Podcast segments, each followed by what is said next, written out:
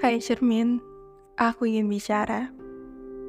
Cermin, sadarkah kamu kalau selama ini hal yang aku bicarakan kepadamu sering merujuk kepada seseorang? Bahkan, pembicaraan pertama yang kita bahas adalah tentang dia. Aku tidak akan bosan-bosannya untuk mengatakan bahwa dia adalah seseorang yang spesial, yang pengaruhnya cukup banyak di hidupku selama kurang lebih satu tahun ke belakang ini.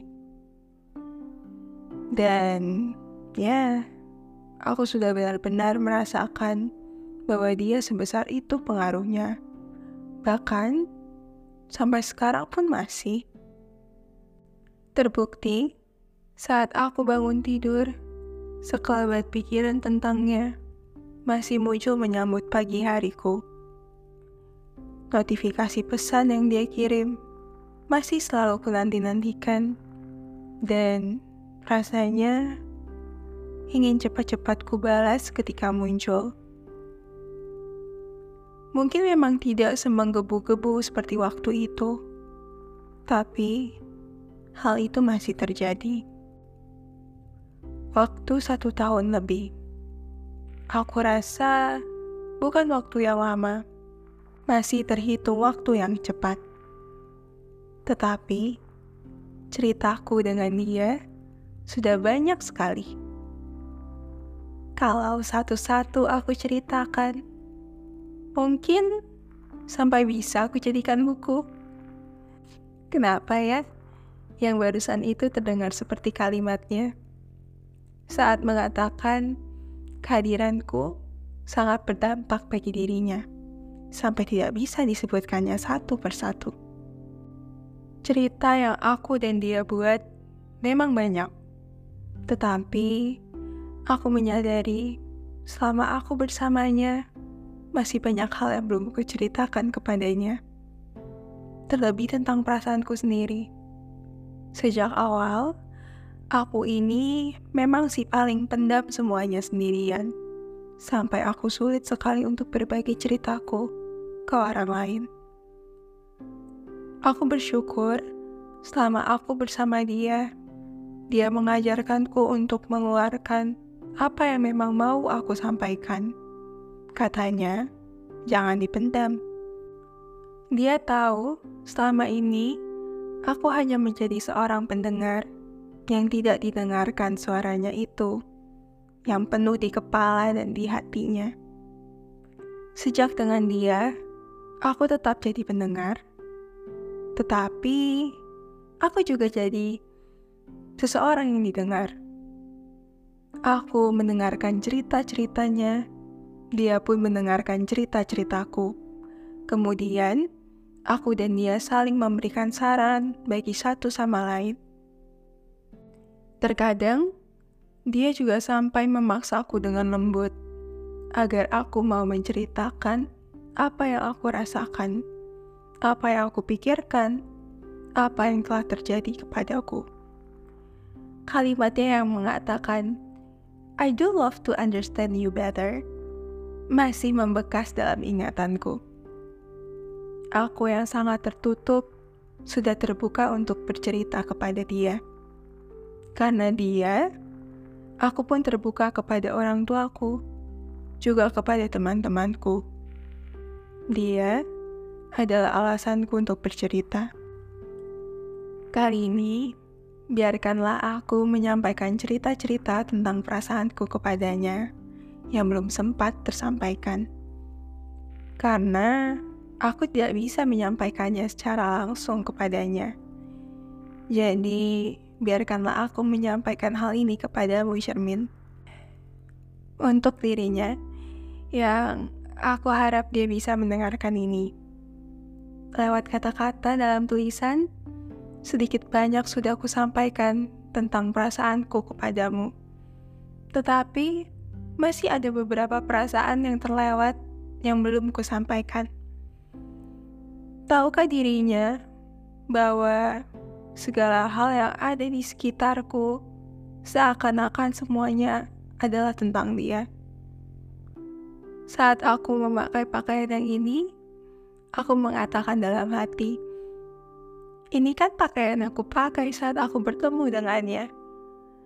Lalu, saat aku membuka aplikasi musik, di sana masih tersimpan rapi playlist yang aku buat dari lagu-lagu yang dia kirim.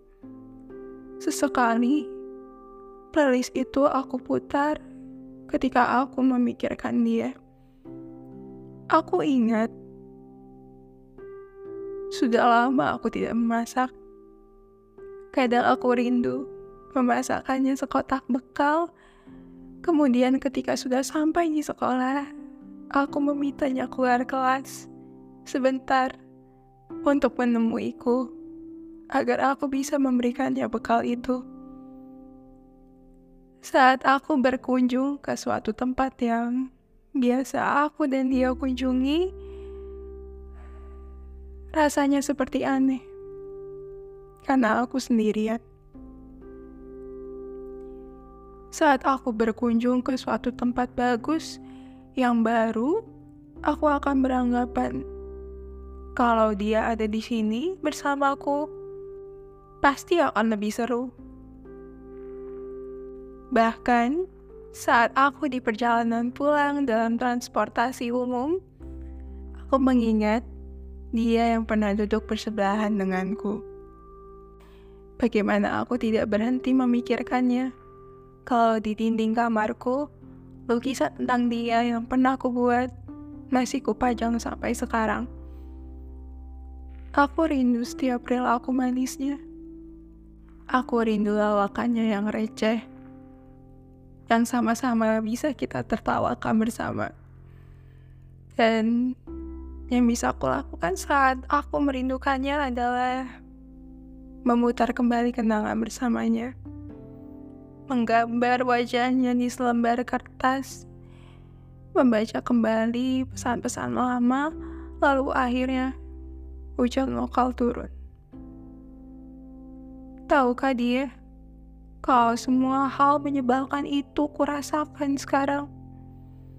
Mungkin dia juga merasakan hal yang sama, mengingat ada beberapa hasil karya tanganku yang kuberikan kepadanya hasil karya yang tidak seberapa, tapi sangat dihargainya. Entahlah, aku hanya mereka-reka.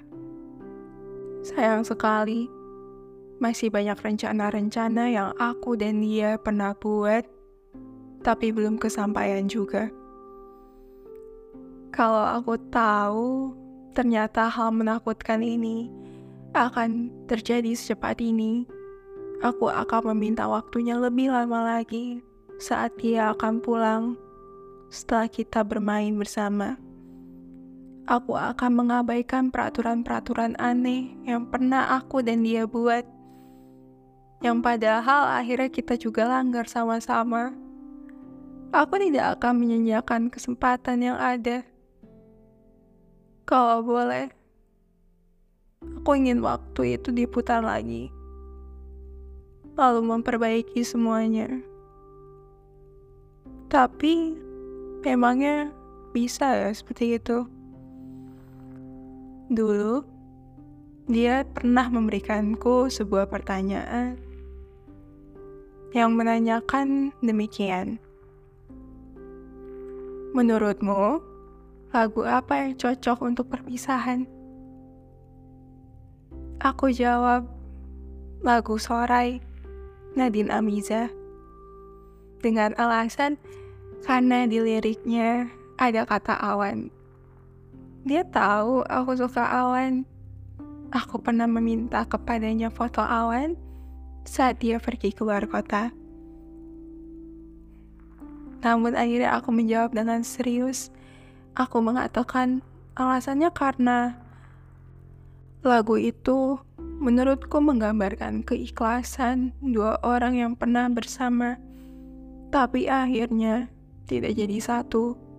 Dengan bersorai, mereka tetap mensyukuri pertemuan mereka, meskipun akhirnya saling melepaskan. Sepertinya aku harus belajar dari lirik lagu itu.